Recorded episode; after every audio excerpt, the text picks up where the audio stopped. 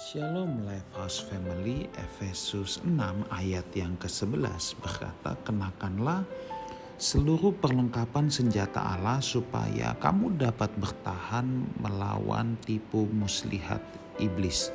Apa saja senjata Allah itu? Itu dijabarkan mulai dari ayat yang ke-14 sampai dengan yang ke-17.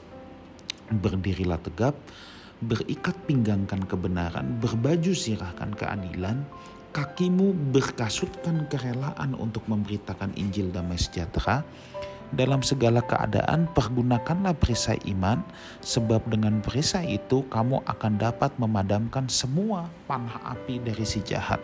Dan terimalah ketopong keselamatan dan pedang roh, yaitu firman Allah. Saudaraku, Tuhan berkata bahwa satu-satunya cara untuk kita bisa melawan kegelapan, melawan tipu muslihat iblis adalah kalau kita mengenakan perlengkapan senjata Allah. Tetapi hari-hari ini ya untuk melawan kegelapan sepertinya banyak orang-orang inginnya instan. Dia pikir dengan doa pelepasan, dengan didoakan semuanya akan langsung beres kita tidak menemukan di Alkitab bahwa untuk melawan tipu muslihat iblis, melawan kegelapan, solusinya doa pelepasan. Lagi pula saudara, saya tidak anti dengan doa pelepasan, tetapi kalau kita pikir hanya itu selesai, itu adalah pola berpikir yang pragmatis, yang maunya enak, yang maunya instan.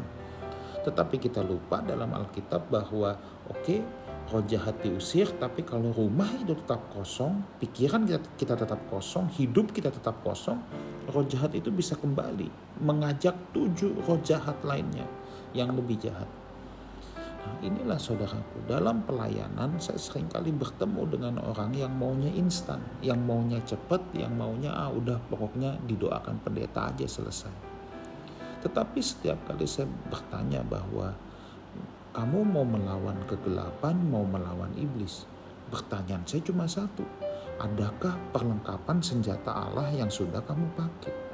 Nah kata-kata jawabannya nggak ada loh. Jadi mereka berpikir hanya dengan didoakan pendeta, dengan doa pelepasan, doa tengking-tengking, maka semua masalah selesai.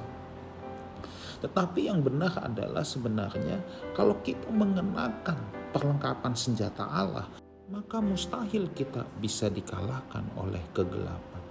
Tuhan sudah memberikan sebuah paket lengkap ya untuk bertahan dan untuk menyerang. Yang untuk menyerang Tuhan cuma kasih satu pedang roh yaitu firman Allah. Tetapi Tuhan juga memberikan hal-hal yang lain untuk kita bisa bertahan dari panah api si jahat. Untuk bisa melihat kondisi apa yang sedang terjadi di sekeliling kita itu sebabnya kenakan perlengkapan senjata Allah. Yuk kita berdiri tegap, berikat pinggangkan kebenaran, berbaju zirahkan keadilan, berkasutkan kerelaan untuk memberitakan Injil damai sejahtera, punya perisai iman, ketopong keselamatan dan pedang roh. Saya percaya saudara akan dapat mempenetrasi kerajaan kegelapan sebab kita semua adalah pelaksana firman-Nya, pelaksana kehendaknya yang kuat. Tuhan Yesus menyertai kita semua. Amin.